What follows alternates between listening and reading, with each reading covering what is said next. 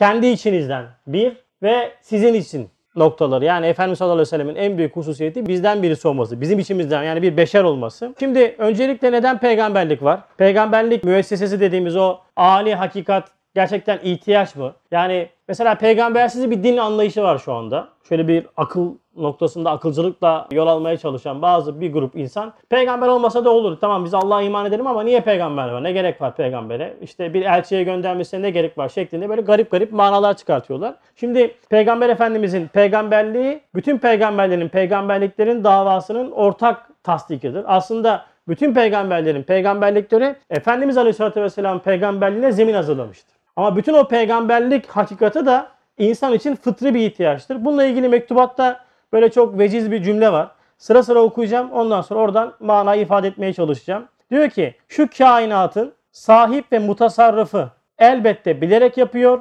ve hikmetle tasarruf ediyor. Evet şu kainatın sahip ve mutasarrıfı kim? Allah. Nasıl yapıyormuş? Bilerek yapıyormuş. Bir. iki Hikmetle tasarruf ediyormuş. Her tarafı görerek tedbir ediyor. Her şeyi bilerek, görerek terbiye ediyor. Her şeyde görünen hikmetleri, gayeleri, faydeleri irade ederek tedbir ediyor. Bu aslında çok derin bir iman meselesi. Mesela bazen hayatımız içerisinde böyle olmadık sözler söylüyoruz. Farkında olmadan yani belki bilerek bilmeyerek şuursuz şekilde de olsa ki Üstad başka yerde diyor ki insanların ağzından çıkan ve dinsizliği işmam eden bazı kelamlar var. Mesela soruyorsun nasıl işler güçler? Ya bir dengesizlik var diyor işte yani. Havalar diyor çok dengesiz. Belli olmuyor bir sıcak bir soğuk diyor böyle. Acil bir kış oldu. Kara kış ya. Böyle bir kış gelmedi ya. Bu kadar aşırı kış mı olur? Veyahut da ya aşırı sıcak yanıyoruz ya dayanılacak halde değiliz falan diye böyle kavramların hepsi aslında var olan o tecelliyatın, rubiyet tecelliyatının farkında olmamak. Yani bir şeyleri sebeplere bağladığımızdan kaynaklı. Yani çok sıcak, çok soğuk gibi kavramlar eğer haddi geçen tabiri caizse isyankar şeklinde söylüyorsak veyahut da dengesiz hava şartları şeklinde veyahut da dengesiz işler diyerekten oradaki tecelliyatın farkında değilsek o da çok ciddi bir problem var. Çünkü Cenab-ı Hak bazen diyor bolluk bazen darlıkla sizi imtihan ederiz diyor. Öyle değil mi? İşlerin dengesi demiş olduğu şey sana göre denge olan şeyin çok gelmesi. O çok gelmeyince birden dengesiz olmaya başlıyor vaziyetler. Çünkü nefsin istemiş olduğu çokluk azaldı. O zaman dengesiz oldu. Sana göre dengeli olması için her zaman sürekli artarak gelmesi lazım. O zaman çok dengeli oluyor. Ama o zaman da senin dengen bozuluyor işte. O zaman denge bozuluyor. Bizim dengemiz bozuluyor. Sürekli verilince denge denge hop gidiyor. Cenab-ı Hak o kadar hakim, hikmetli iş yapıyor ki tam dengeli olması gerektiği. Çünkü kainattaki bütün tasarrufat neyin göstergesiymiş? Hikmetle yapılmak, bir tedbir ve sürekli bir tecelliyat içerisinde Cenab-ı Hakk'ın tasarrufatını gösteriyor. Bu zat bunu bilerek yapıyormuş. Her şeyi görerek yapıyormuş. Her şeyi ondan sonra hesap ederek yapıyormuş. Şimdi cümlenin devamında diyor ki madem yapan bilir elbette bilen konuşur. Orijinal bir cümle. Madem yapan bilir elbette bilen konuşur. Fabrikadaki makineleri aldığınızda kimi çağırıyorsun? Makine servisini çağırıyorsun değil mi? Beni çağırır mısın? Çağırmazsın. Veyahut o makine hakkında benim yapacağım yoruma dikkate alır mısın?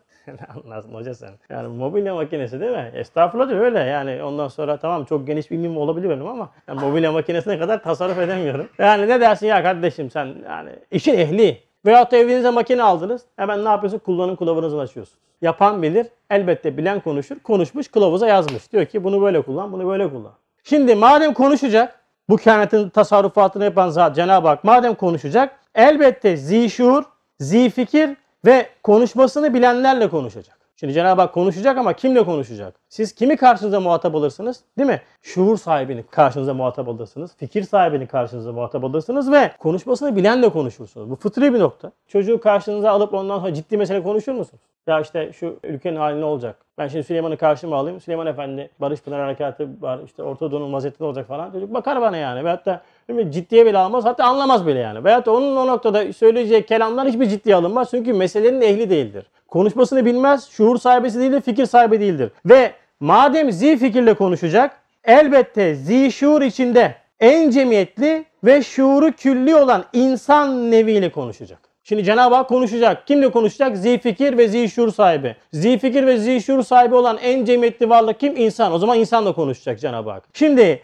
madem insan neviyle konuşacak elbette insanlar içinde kabil hitap, mükemmel insan olanlarla konuşacak. Her insanlarla konuşmayacak. Kabil hitap olması lazım. Yani konuşma, hitap etme potansiyeli olan, konuşmasını bilenlerle konuşacak. Bir mağazaya gittiğinizde değil mi? Problem varsa ne diyorsunuz? Mağaza müdürünü çağırın bana. Niye oradaki elemanlarla konuşmuyorsun? Diyorsun ki hayır kardeşim buranın sorumlusu lazım. Kabil hitap, mükemmel bir insan olması lazım ki bana cevap versin. Benim istediklerimi yerine getirsin. Cenab-ı Hak da şu kainatta şu tasarrufatı yaparken konuşacak. Konuştuğu varlık insan olacak fakat insanlar içerisinde kabil hitap ve mükemmel insan olanlarla konuşacak. Bunlar işte 124 bin peygamber. Aleyhisselam ecmain. Şimdi biraz daha daraltıyor çıtayı. Madem en mükemmel ve istidadı en yüksek ve ahlakı ulvi ve nevi beşere mukteda olacak olanlarla konuşacak. Şimdi bütün peygamberlerle konuşmuş fakat onun içinde de bir en lazım. Yani öyle bir en lazım ki istidadı en yüksek olması lazım, en mükemmel olması lazım, ahlakı ulvi olması lazım ve nevi beşere mukteda lider olacak olan birisi lazım.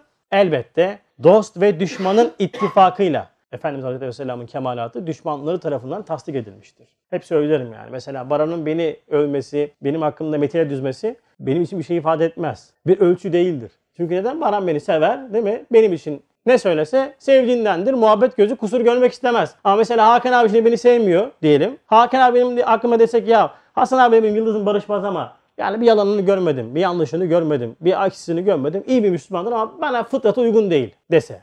O zaman bilin ki Hasan ehli kemalattır. Efendimiz Aleyhisselatü Vesselam müşrikler tarafından tasdiklidir. Değil mi? Muhammed'in Emin lakabıyla lakaplandırılmış bir zattır. Peygamberlik geldikten sonra bile onun yalanını söylemediğini hepsi biliyordu. Ebu Cehil de biliyordu. Hatta meşhur rivayetler var yani Ebu Cehil diyormuş yani. Eyvallah dediğin doğru da ya niye sen? Ha, niye işte şu değil şu değil niye ben değil? Yani kibirden dolayı ondan sonra Efendimiz'i kabul etmiyor. Aleyhisselatü Vesselam'ı kabul etmiyor. Düşman tarafına tasdik edilmiş ve Nevi Beşer'in humsu, beşte biri ona iktida etmiş. Nısfı arz yani arzın yarısı onun hükmü manevisi altına girmiş. İstikbal onun getirdiği nurun ziyasıyla 1300 sene ışıklanmış. Hala onun getirmiş olduğu Kur'an nuruyla ne yapıyoruz? Işıklanmaya devam ediyoruz. 1300 sene, 1400 sene olmuş. Ve beşerin nurani kısmı ehli imanı mütemadiyen günde 5 defa onunla tecdidi biat edip günde 5 defa biz ne yapıyoruz namazımızda? Tecdidi biat yapıyoruz. Bakın çok önemli nokta abiler burası. Özellikle gençler için söylüyorum. Namazı böyle geciktiren, kılmayan, işte böyle bey namazı dedikleri kıl kılma, kıl kılma şeklinde veyahut da Allah muhafaza cumadan cumaya gidenler varsa bakın günde 5 vakit namaz Efendimiz Aleyhisselam'la yapılan biattır. Onun nur mübarekin elinin tabiri caizse uzatmış bize her vakitte bize tasdik bekliyor. Sen de her 5 vakitte ne yapıyorsun? O hükme, Onunla inkiyat ediyorsun. Tecridi biat yapıyorsun. Peki kılmadın mı? Ne oldu? Biatını bozmuş oluyorsun. Allah muhafaza. Ve ona duayı rahmet ve saadet edip ona medih ve muhabbet etmiş olan Muhammed Aleyhisselatü Vesselam ile konuşacak ve konuşmuş. Onu Resul yapacak ve yapmış ve sair nevi beşere rehber yapacak ve yapmıştır. Şimdi bütün peygamberleri anlattı ve Peygamber Efendimizin vaziyetini ifade etti. Şimdi Nübüvvet dediğimiz peygamberlik hakikati insanın fıtri tabiri caizse ihtiyacıdır. Zira bu kainat yapılırken şu kainat, şu sistem kurulurken bu akıl kullanılmadığı için, bu akılla çözülecek bir yer olmadığı için bu dünya tabiri caizse bir üst akla ihtiyaç vardır. Yani bu kainatı yapan zattan sana haber getirecek bir üst akıldır. Bunun adı da nübüvvettir, peygamberliktir. Şimdi akıl bazı kendini akıllı zanneden insanlar peygamberlere gerek yok şeklinde ifadelerle peygamberlik müessesesini tabiri caizse veyahut da 124 bin peygamber ve son peygamber Efendimiz Aleyhisselam'a karşı olan kinlerini, garezlerini akılla onları devre dışı bırakarak halletmeye çalışıyorlar. Ama ve lakin insan fıtratı ve kainattaki bütün adetullah bunun tam tersidir. Mesela bir örnek vereceğim. Yola çıkıyorsunuz. Karışık ve bilmediğiniz bir yolda. Neyi kullanıyorsunuz?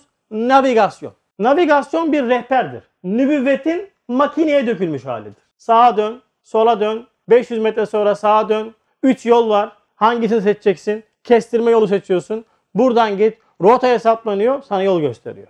Doğru mu? Bir gitmiş olduğun binada, kamu binası veyahut da bir hastane düşün. Hemen ilk girişte ne vardır? Danışma danışma ne yapar? Sana yön verir, yön gösterir. Der ki üst katta dahiliye, alt katta hariciye, yanında röntgen. Niye? Sen binayı bilmiyorsun. Sana bina yol gösteriyor. Sair bütün levhalar, sokak levhalarından tutun binalardaki yön tabelaları, bizim işte kapılarda yazan levhaların hepsi nübüvvet hakikatinin dışa vurmuş halidir. Ve son olaraktan da peygamberlik hakikatinin insanın iç alemindeki gözüken şekli vicdandır.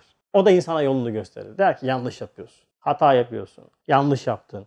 Bak haram yapacaksın. Günah işledin. Bağırdın ama özür dilemen lazım der ve sana istikameti gösterir. Bakın navigasyondan tutun, sokak levhalarından tutun, danışmanlara kadar tutun, insanın vicdanından tutun. Hepsi nübüvvet hakikatinin dışa vurumudur. Yani nübüvvet dediğimiz peygamberlik olmazsa olmazdır. Peygambersiz bir dünya nedir? Anlaşılmaz bir kitabın muallimsiz olması gibidir. Bir kitap anlaşılmazsa değil mi ona ne lazım? Muallim lazım. İngilizce kitabını eline aldın. İngilizce bilmiyorsan o kitap senin için anlaşılmazdır. Ne yaparsın? İngilizce hocasından yardım alırsın. İngilizce hocası o kitabı senin için anlaşılır hale getirir. Üstad diyor ki anlaşılmaz bir kitap muallimsiz olsa manasız bir kağıttan ibarettir. Şu kainat peygambersiz bir şekilde yorumlandığı zaman manasızdır. Çözemediği için insanlar felsefeye sapmışlar ve ne olmuş? Hayatlarını har vurup harvan savunmuşlar. Nereden geldin? Nereye gidiyorsun? Ve necisin? Hakikatine cevap aramış insanlık. Düşünen insanlar. Ve bu üç hakikata cevap verecek olan da vahidir. Yani peygamberler vasıtasıyla gelen vahidir. En son vahiy Kur'an-ı Kerim'dir. Efendimiz Aleyhisselam getirmiş olduğu şeriattır. Dolayısıyla kainata sen eğer vahiysiz ve sünnetsiz bakmaya başladığında mana çıkartamazsın. Bu senin başta şahsi hayatına sonra da uhrevi hayatına yansır. Allah muhafaza. Şimdi Peygamber Efendimizin nübüvvetine doğru geçiş yapacağız. Yani nübüvvetle beşeriyetini nasıl ilişkilendireceğiz onu anlamaya çalışalım. Şimdi Peygamber Efendimizin hayatı anlatılırken şöyle bir hata yapıldı. Yıllarca bu belki de bilinmeden de yapıldı. Bazen sistematik olarak da yapıldı. Yani Siyer-i Nebevi dediğimizde Peygamber Efendimizin hayatı dediğinde insanlara 4-5 başlık altında bu mesele anlatıldı. Mesela nedir işte Peygamber Efendimizin peygamberliği gelmesi Hira mağarasındaki meşhur vaziyeti Bedir Savaşı, Uhud Savaşı, Hendek Savaşı, Veda hutbesi bitti. Bu kadar. Yani 5 maddede ifade edilen veya da bu 5 maddenin daha çok açılımı. Tarihsel kronoloji olaraktan bize peygamber bilgisi anlatıldı. Bakın bu şekilde bir peygamber bilgisinin, siyer-i nebevinin insanın içine pek yaramaz. Ha ehli medresesin veyahut da ilahiyat okuyorsundur. Bu tür bilgilerin de ihtiyaç vardır. Bunların da bilinmesi lazım eyvallah. Ama atıyorum bizim gibi hayatı içtimai içinde veyahut da Recep abi gibi günde 10 saat çalışıp akşama derse gelip 40 dakika içerisinde 20 dakika uyuyan bir adam için 571'e doğmuş, 610'da şunu yapmış, 520 bunu yapmış falan şeklinde tarihsel bilgiler yorar. Bak yoruluyor adam ya değil mi? Neden? Şimdi buna bu lazım değil. Buna öyle bir şey vermemiz lazım ki Peygamber Efendimiz Aleyhisselam'ın en büyük davası olan marifetullah ve onun şahsı manevisini nazara vermek lazım. Peygamber Efendimizin şahsı manevisi davasının manevi boyutu insanlar için olmazsa olmazdır. Eğer bundan mahrum bıraktığımızda verdiğimiz siyer insanların başına bela almaya başlıyor. O yüzden de Üstad buna çok dikkatli şekilde nazara vermiş ve önce sürekli risaleti nazara veriyor. Ondan sonra beşeriyeti o risaletin üzerine bina ediyor. Nasıl anlatmış? Şöyle bakın diyor ki Resul-i Ekrem Aleyhisselatü Vesselam hem beşerdir, beşeriyet itibariyle beşer gibi muamele eder. Peygamber Efendimiz beşerdir, beşeriyet itibariyle beşer gibi muamele eder. O da yer, o da içer, o da uyur, o da defi hacet yapar, o da yıkanır. Bunların hepsi beşeriyetin muktezası. Ama diğer tarafta hem Resul'dür, Risalet itibariyle Cenab-ı Hakk'ın tercümanıdır, elçisidir.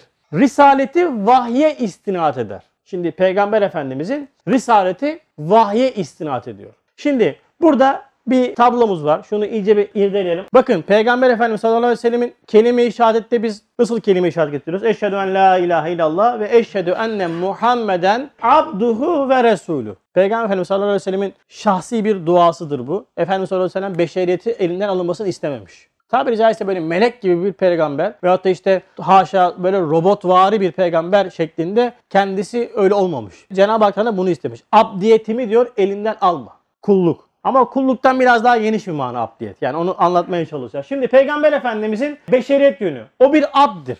Şimdi abd ne demek? Abd demek en basit manada bizim bildiğimiz manada kul demek ama kulun biraz daha üst versiyonudur. Şöyle söyleyeyim. Her an kendisinin ve kainatın sürekli bir şekilde yaratıldığının Cenab-ı Hak tarafından bir tasarruf içerisinde idare edildiğinin farkına varıp o idare ve tasarruf içerisindeki bütün gelen her şeye karşı göstermiş olduğu vaziyet önce yaratılmışlığın farkına varıp göstermiş olduğu vaziyet abdiyettir. O yaratılmışlığın üzerine başına her ne gelirse gelsin ona karşı göstermiş olduğu itaat, ona göstermiş olduğu vaziyet kulluktur. Efendimiz sallallahu aleyhi ve sellem abddir. O yüzden Efendimiz sallallahu aleyhi ve sellem çok dua eder. Saç tararken dua eder, gömlek giyerken dua eder, ayakkabı giyerken dua eder, yatarken dua eder, kalkarken dua eder. Sürekli dua eder Efendimiz sallallahu aleyhi ve sellem. Şimdi bu dua meselesini ya çok mübarektir hiç ağzından dua düşmez manasında algılamamak lazım. Evet o da vardır ama bir insan kendisinin bir şey yapamayacağını hiçbir şekilde bir şeyi vücuda getiremeyeceğini, her an her şeyin Cenab-ı Hak tarafından kendisine verildiğini, Cenab-ı Hakk'ın tasarrufatı altında bir varlık olduğunu farkında olunca tek dayanacağı nokta duadır. Çünkü aczin, fakrın, noksan ve kusurunun farkında olan kişinin dilinden dua eksik olmaz. Efendimiz sallallahu aleyhi ve sellem kendinde zerre miktar bir yaptırım, bir iktidar, bir göz görmemiştir. O yüzdendir ki en çok yapmış olduğu yemin nedir? Nefsim elinde olan Allah'a yemin ederim ki. Çok çok zikretmiş olduğu bir yemindir. Nefsim kudret elinde olan Allah'a yemin olsun ki. Hep bunu söyler. Benim yapacağım, yapabileceğim hiçbir şey yoktur. Var olan her şey Cenab-ı Hak'tandır. İşte bu update'i gösterir. O varoluşa karşı her ne olursa olsun boyun bükmekte kulluğun göstergesidir. Efendimiz sallallahu aleyhi ve sellem abdir ve bununla beraber beşerdir.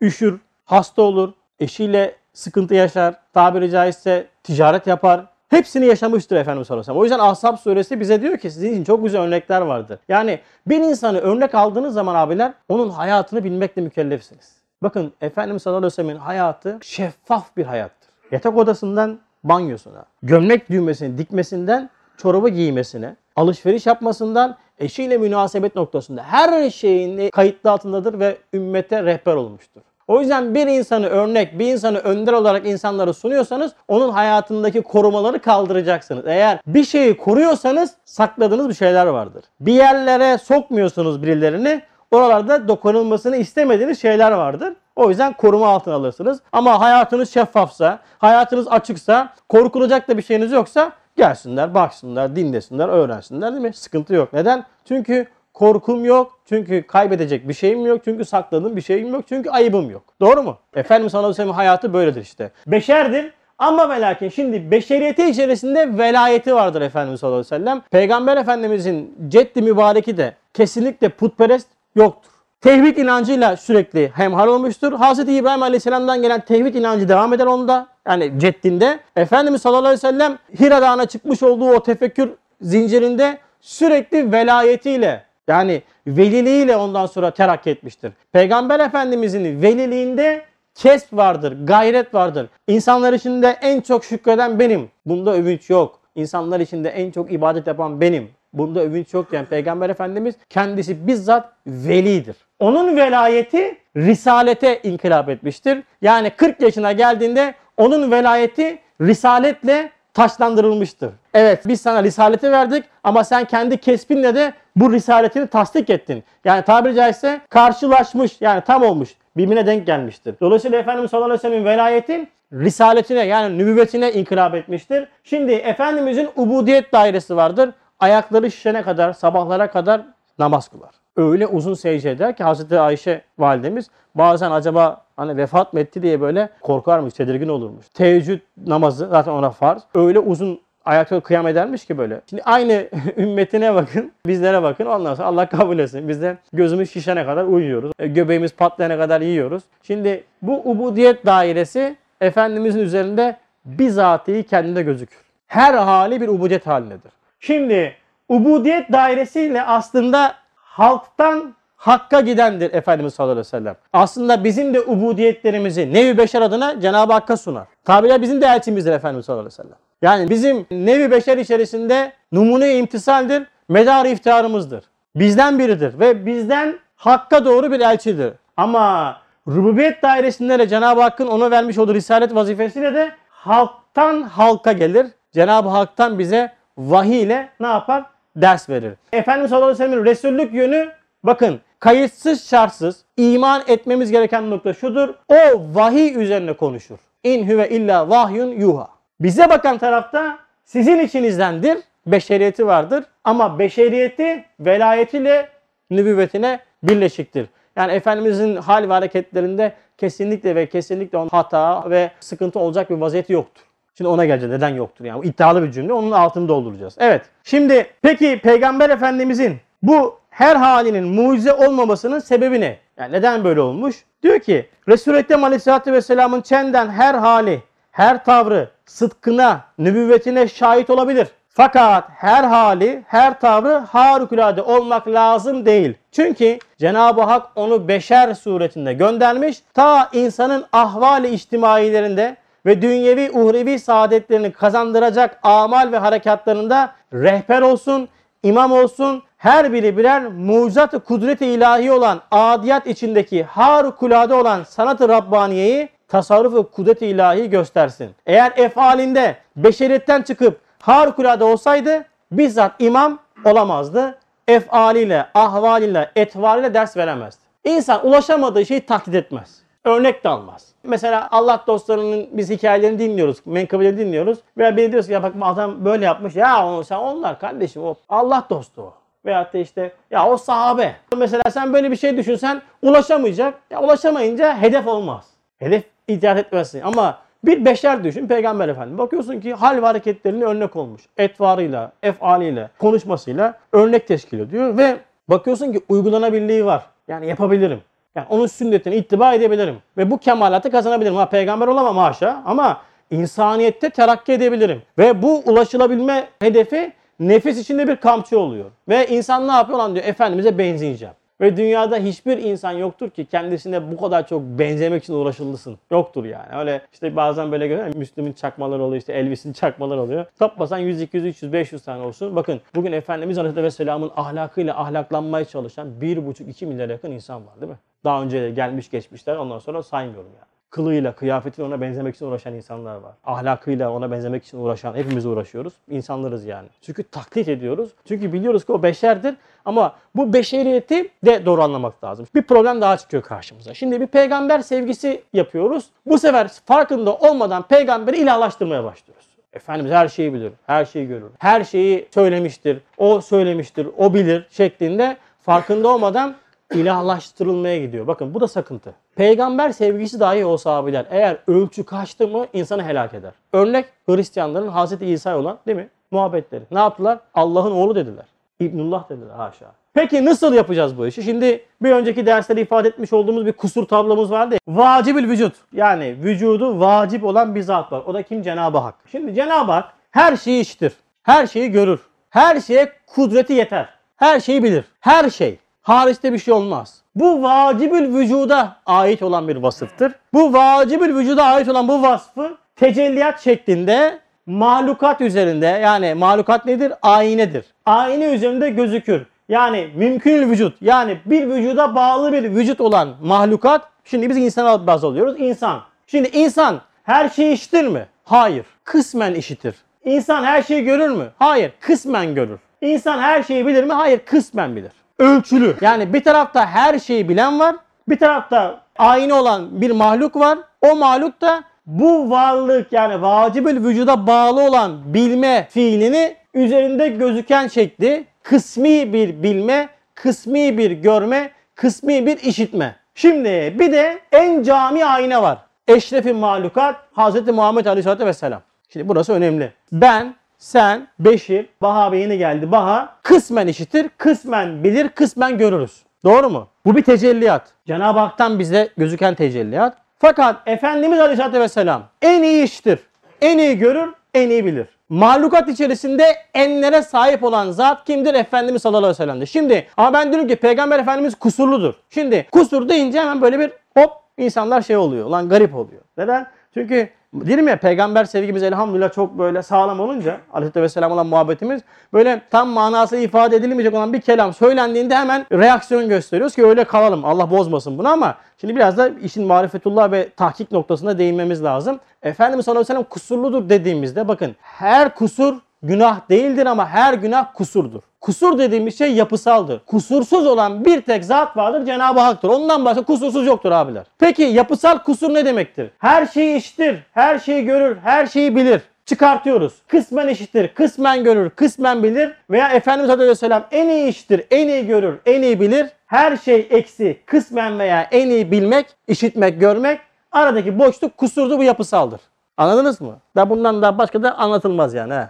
Bak söyleyeyim bunun gibi anlatacak da adam bulamazsınız. Bunu anlamazsınız. Harbi çok kusurlusunuz. Mesela şu kusurludur ama bu kusurlar içerisinde en kusursuz burasıdır. Ama bu da kusurludur. Şimdi buna da kusursuz derim mi? Olmaz. O yüzden Üstad Miraç Risalesi'nin başında innehu zamirini kullanıyor. Diyor ki innehu üvessemir basır mıydı? O her şeyi işitir görür. O zamir diyor Cenab-ı Hakk'a raci olsa Peygamber Efendimiz'e raci olsa oradaki innehu zamirini sen her şeyi işitir görür olarak Peygamber Efendimiz'i kabul edersen olmaz. Orada ayrım yapman lazım. Noksan daha doğru olmaz. Tabii noksan işte burada noksan- kusur yapısal olaraktan noksanlık dediğimiz man. Hocam en iyi iştir, en iyi görür, en iyi bilir diyoruz ya Peygamber Efendimiz. Mesela şöyle bir anlam yok burada aslında. Ben bakıyorum kırmızı görüyorum. Peygamber Efendimiz sallallahu aleyhi ve sellem gördüğünde koyu kırmızı görü anlamında değil. Yaşadığımız olayların arkasındaki rahmeti görme açısından. Net görüntü var. Yani bizim gördüklerimizde perdeler var. Onun gördüklerinde perde yok. Yani kendi kitabını okuma açısından en iyi iştir. Her noktada Efendimiz en iyi iştir, en iyi görür, en iyi bilir. Yani bakın şurayı unutmayın abiler, onu söylüyorum. Bakın şurayı unuttuğunuz anda peygamber sevsiniz başınıza beladır.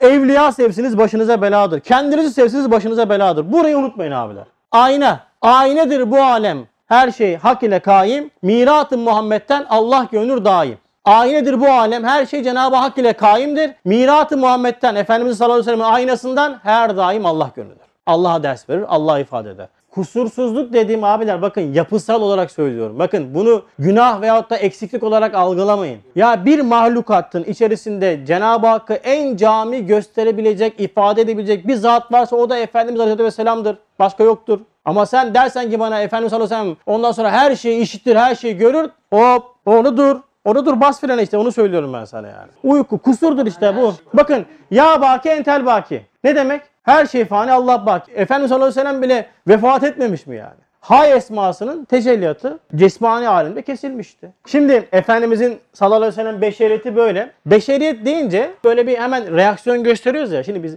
bizim alemimizde beşer şu. Mesela beşer bizim beşeriyetimiz beşeriyet bile değil artık yani. Hani hayvaniyete inkılap etmeye yakın bir şey bizimki. Öyle maalesef. Ha, öyle bir yiyoruz ki mesela. Öyle bir uyuyoruz ki. ha, öyle bir şehvet var ki yani buna beşeriyet denmez. Yani böyle az bir daha böyle hayvaniyet olacak bizimki yani. Böyle bir, bir tık daha oraya gidecek bizimki. Şimdi hal böyle olunca Efendimiz'e beşer deyince "Kardeş sen nasıl konuşuyorsun kardeşim? Böyle, ya kardeş sen beşeriyeti anlamıyorsun. Sen beşeriyet değil o. Beşeriyeti nasıl anlaman lazım? Onu öğren. Sen ne bakıyorsun bana? Bizimki beşeriyet mi ya? Günü 8 saat 9 saat uyku. Günde 3 öğün yemek. Üzerine tatlısı tuzlusu. Şehvet tavan yapmışım. Böyle bir beşeriyet olur mu ya bu? Dua et de bundan çıkma. Beşeriyetten de hayvanetten öteye çıkma yani. Ama neden? Efendimiz sallallahu aleyhi ve bakın beşeriyetin arkasındaki istikametin tutan noktayı söyleyeceğim. Yani sünnet-i sen'i işlemciye bir ders yapmış. Orada ifade edilen bir mana var. Diyor ki bakın Resul-i Ekrem aleyhisselatü vesselam hilkaten en mutedil bir vaziyette, en mükemmel bir surette halk edildiğinden harekat ve sekenatı itidal ve istikamet üzerine gitmiştir. Siyer-i seniyesi katı bir surette gösterir ki her hareketinde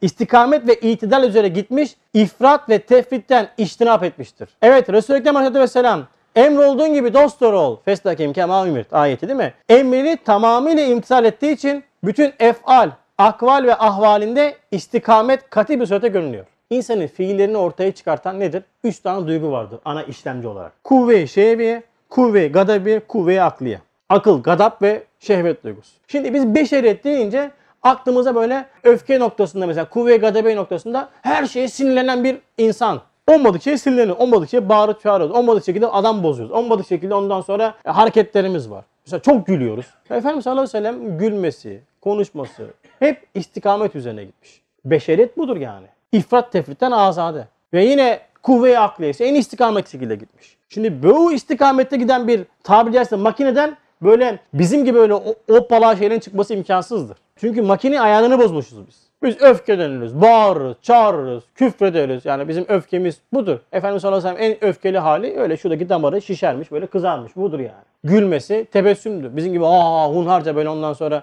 sanki çok büyük bir kemalatmış gibi böyle hunharca kahkaha atmamış Peygamber Efendimiz yani. Mesela kuvve-i şehvede sıkıntı yaşıyoruz. Bizim harama nazar olsun vesaire noktalar olsun Allah muhafaza. Neden? E şimdi makine atıyorsun, atıyorsun, atıyorsun, atıyorsun, atıyorsun bütün yiyecekleri. Makinede hormonlar pik yapıyor sonra kaşın gözün ayrı oynamaya başlıyor. Sıkıntı yaşıyorsun. Ay yanıyorum işte pişiyorum vesaire. Tamam ne oldu? Bu beşeriyet değil ki. Efendimiz sallallahu aleyhi ve sellem bütün bu kuvve-i akliye, kuvve-i gadabe, kuvve-i şehvesi istikamet üzerine gittiğinden o zatın efalinde, harekatında bizim gibi böyle absürt böyle saçma sapan şeyler çıkmaz. O yüzden Asar-ı Bedi'de çok güzel bir kelam var. Diyor ki üstad. Evet muvaffak bir nazar kainatın her zerresinin her halinden vücudu sani. Bakın muvaffak bir nazar. Yani Kur'an'la vahiy terbiyesinden geçmiş sünnet-i seniyyenin hakikati olan marifetullah derslerini tam almış olan bir nazar kainatın bakın bütün mevcudatın ağaçtan sinekten değil her zerresinden her halinden vücudu saniye. Yani bu şeyleri vücuda getiren sanatkara ve hem peygamberin her hal kal ve fiilinden sıdkın nübüvvetin şu anı görür.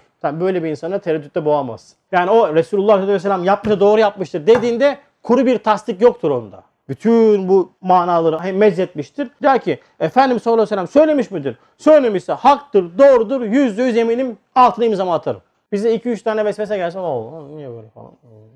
Ya ama tamam bu da peygamber işte ya. İşte peygamber demiş olduğun zatı kendi beşeriyetin gibi ya yorumladığında bu sefer adam tefsirine yazmış. Hep zikrediyorum bilerek zikrediyorum. Adam tefsirine yazıyor. Diyor ki kibirli adam diyor Efendimiz sallallahu aleyhi ve sellem hakkında. Kibirli adam yazıyor tefsire tefsire. Niye bu adam kibirli adam lafını kullanıyor? Çünkü kendi kibir yumağı. Herkes dünyayı kendi aynasıyla görür. Onun için beşeriyet kibir. Evet kibir. Kibir yumağı olduğu için kibirli görüyor. Ama şu makatların farkında olan bir insan Efendimiz sallallahu aleyhi ve sellem kibirli diyebilir mi ya? Haşa dersin. Direkt diyeceğin tek şey haşadır yani. Düşmanlık var ve kendi aynası kirli. Şimdi senin aynan kirliyse bakmış olduğun her yerde çamur görürsün. Bu Efendimiz sallallahu aleyhi ve sellem'e dahi olsa haşa ve haşa onda bile kendince pislik ve çamur görürsün. Yani o nokta insanı ne yapıyor? Rahatsız ediyor. Şimdi sen tefsire bile bunu yazabiliyorsan anlamış olduğun mana senin kendi dünyandaki manadır. Dolayısıyla Efendimiz'e sen kibirli diyebilmen için onun kendi fizyolojisini, kendi yapısını yanlış analiz etmiş olması lazım. Kendinde aç, fak, noksan ve kusurdan başka bir şey görmeyen, her an dua ile ubudiyet halinde olan bir zata haşa ne kibir ya nasıl yanaştıracaksın kibir yani?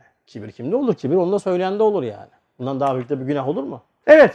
Şimdi son bölüme geliyoruz. Bu kadar anlattık ettik. Nasıl kurtulacağız bundan? Bu kadar beşeriyeti ifade ettik. Şimdi bize bir istikameti bir nazar lazım değil mi? Tamam anladık. Nübüvvet bu, beşeriyet bu ama illaki bu asırda böyle şüpheler geliyor. Bazı tenkitler geliyor. Veyahut da çok boş boğazlı insanların her sözünü dinliyoruz. Din namına her hocayı dinliyoruz maalesef. Çöp tenekesi gibiyiz yani. Biri Allah demesin hemen kulaklarımızı dört açıyoruz, beş açıyoruz. Ya kardeşim bir sözü söyleyen kişinin bir mahiyetine bakın. Zaaf noktalarımız var. Kur'an deyince hemen böyle gevşiyoruz. Ama adam Kur'an'ı kullanıp Kur'an düşmanlığı yapıyor. Kur'an'ı da kullanıp peygamber düşmanlığı yapıyor. Hadis düşmanlığı yapıyor. Sahabe-i kiram düşmanlığı yapıyor. Geçen bir tanesini yine o aynı adamı gördüm. İsmini zikretmeyeceğim. Ebu Hureyre'ye dil uzatıyor radıyallahu anh. Ve kendisi hakkında haşa kripto Yahudi diyor. Şimdi durdum düşündüm ben tamam mı? ya bu adam bunu yapıyor biliyorum neden yaptığını da biliyorum da. Neden özellikle Ebu Hureyre? Sonra aklıma dank etti. Kim en çok hadis rivayet ediyor? Ebu Hureyre radıyallahu anh. En çok hadis rivayet eden. En çok hadis rivayet edene en büyük hasmı, gayzı var adamın işte. Peygambersiz ve hadissiz bir din. Hedef bu. Ondan sonra itikat zaten gidecek. Adı İslam olduğuna bakmayın siz. Her adı İslam olan İslam olmuyor yani. Şimdi sende bir ölçü yok. Açıyorsun televizyonu. Aa çok doğru söylüyor. Kur'an Müslümanlığı. Löp alıyorsun. Löp alıyorsun. İzleme kardeşim. İzleme ya. Allah Allah. Her din anlatını izliyoruz. En çok revaçta olan programlar din programları. Çünkü biz izlemeyi severiz. İlk ayet izle. İlk ayet izle çünkü. Oku değil yani. İzle. Sanki ibadetmiş gibi sabaha kadar izledim diyor yani. Programları yapanlar bütün kanalların da birçoğu da ondan sonra İslamiyet'te zarar veren kanallar, kanalizasyonlar. Bu adam neden bunu yapıyor? Bir kafan çalıştır ya. Bir, bir zihnini çalıştır. Ahmak olma ya. Ya bu adamın dini tebliğ amacı olsaydı hatta o pespaya programları koymaz oraya ya. Bir anda affedersin bir sürü namahrem fotoğrafları, suretleri, dizileri koyuyor. Yani din programı koyuyor. Sen de bunu izliyorsun. Ahmaklık yani. Evet şimdi ölçüyü nasıl tutturacağız?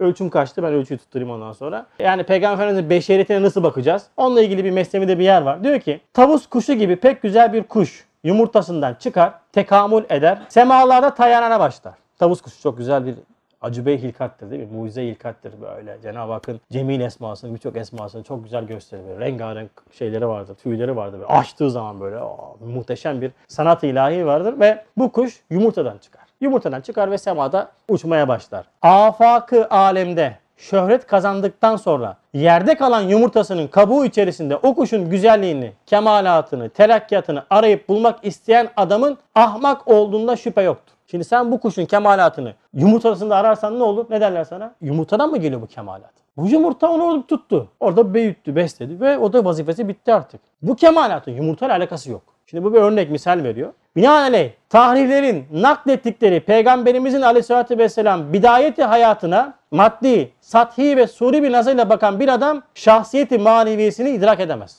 Şimdi Seyirle bir okurken Efendimizin yalnızca maddi hayatına baktığın zaman işte ya böyle yapmış, şöyle yapmış hatta bir bedeviyle çarşıda pazarlık yapıyor. Ya koca peygamber yani.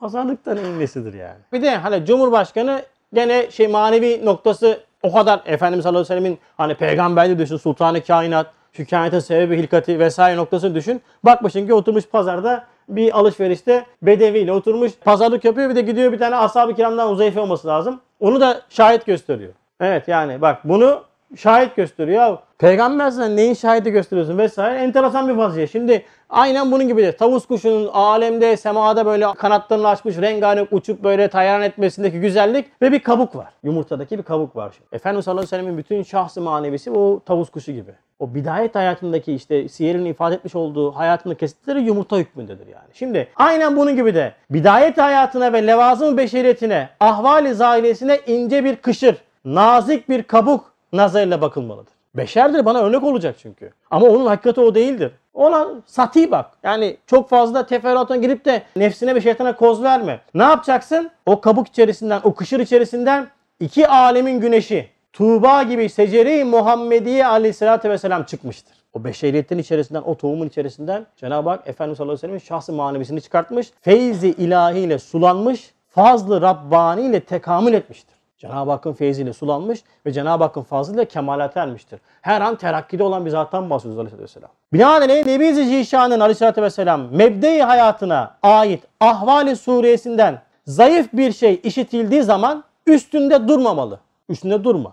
Ya niye böyle yapmış? Ya niye böyle yapmış de. İdrak edemeyeceksin çünkü teferruatını bilmiyorsun meselenin. Hemen nefis ve şeytan devreye girecek. Zaten zamanımız öyle bir asır ki bir sürü kirlenmişiz. Zihnimiz kirli bizim yani. Zihin kirli olunca hemen tereddütler başlıyor. Eskiden böyle olmazdı. Eskiden çünkü tahrip yoktu. Şimdi tahrip çok. Sosyal medya, televizyon, gazetesi dışarıdan itti, işte deisti, ateisti, panteisti bir sürü şey kafana girip çıkıyor senin zaten. Her şeyde alıyoruz maşallahımız var. Deliklerin hepsi açık. Hemen hop içten içe niye böyle falan diye şeyler ne yap? Üstünde durma. Başını kaldırıp etrafı aleme neşrettiği nurlara bakmalısın. Nasıl bir nur? Şimdi hemen kafanı kaldır. Efendimiz sallallahu aleyhi ve şahsı manevisine bak. O zatın nasıl bir şahsı manevisi var? O zatı Muhammedi Arabi aleyhissalatu vesselam. Şimdi bak burada kilit bir nokta var. Üstad neden Arabi kelamını kullanıyor? Yaklaşık son Osmanlı'nın çöküş döneminden ve işte Cumhuriyet tarihinin o zamandan itibaren bize bir Arap düşmanlığı enjekte edildi. Ve biz haşa ve haşa köpeklere Arap ismi taktık. Arap ya, Arap ya, Arap ya. Hatırlarsın değil mi çocukken böyle çağırdık yani. Her siyah köpek bir Arap. Öyle değil mi? Şimdi ben sana soruyorum. Çoğumuz Türk'üz. Önemli değil. Almanya'ya gittik. Almanya'da bir tane Almanın köpeğine Türk diye çağırdığında ne yaparsın? Ekşirsin başına değil mi? Arap saçı. Bakın bilerek kasti şekilde bize Arap düşmanlığı enjekte edildi. İşte Araplar hain millet. Bizi arkamızdan buldu. Sanki Avrupalılar yanağımızdan öptü yani. Sanki Avrupalı, İngiltere, Amerika'sı hepsi bizi can siperhane böyle aldılar, sağdılar. Ah canım siz çok geç kaldınız dönmekte falan dediler. Hala kanımızı emiyorlar. Kasti olarak insanları dinden soğutmak için, Araplardan soğutmak için bize ne yaptılar? Araplar haindir, Arap saçı, Araplar pistir diye bu bize enjekte edildi. Efendimiz Hazreti Vesselam Arapları iki şey için sevin diye buyuruyor. Bir, ben Arap'ım. İki, Kur'an Arapça indirildi.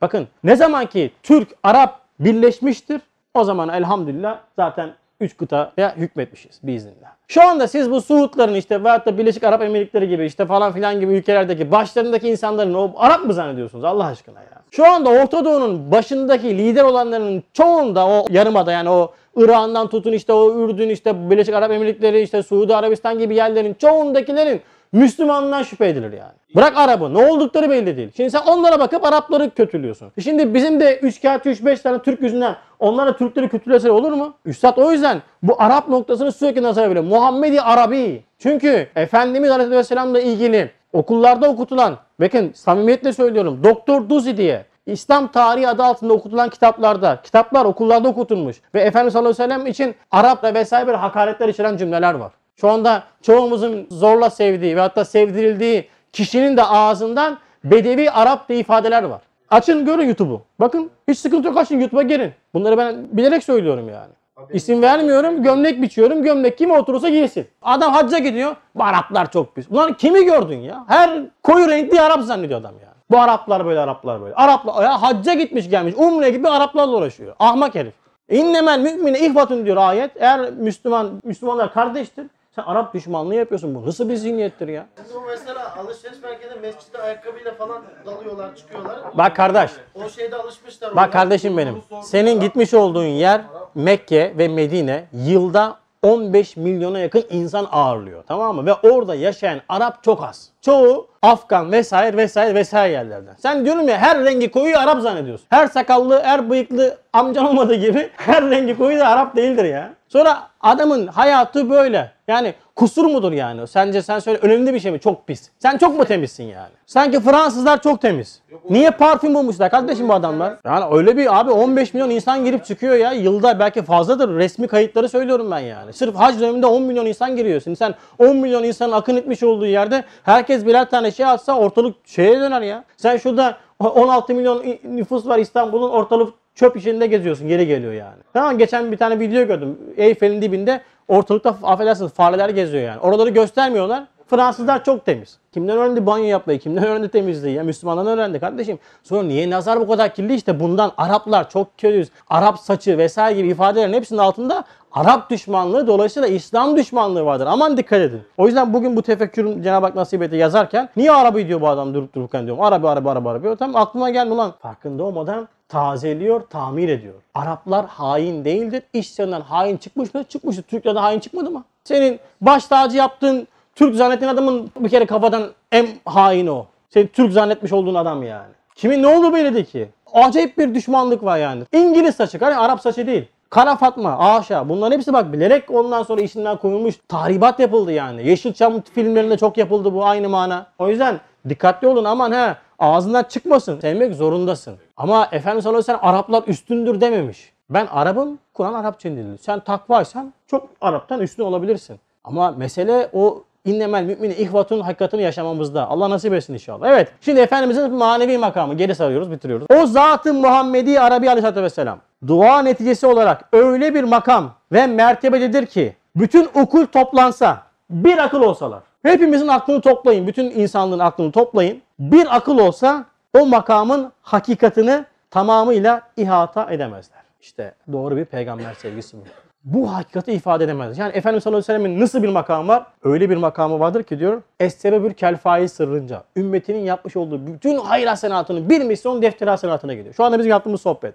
Okuduğumuz Kur'anlar vesaire hepsi onun defteri hasenatına gidiyor. Ve sürekli terakkide olan bir makamından bahsediyor Efendimiz sallallahu. Böyle acayip bir makam. Bütün akıl toplansa idrak edemeyiz. O yüzden işte ey Müslüman senin ruzi mahşerde böyle bir şefiin var. Elhamdülillah. Bizim ruhi mahşerde böyle bir şefimiz var. Şefaatçimiz var. Şimdi nasıl o şefaatçinin şefaatini celbedeceğim ben? Bu şefiin şefaatini kendine celbetmek için sünnetine ittiba et. Allah sünnet-i seneden İnşallah istifademizi ziyadeleştirsin. Allah doğru peygamber sevgisiyle bizi nimetlendirsin, rızıklandırsın. Efendimizin şefaatine nail eylesin. Subhaneke la ilme illa ma inneke entel alimul hakim ve ahiru davahum elhamdülillahi rabbil alemin. El Fatiha.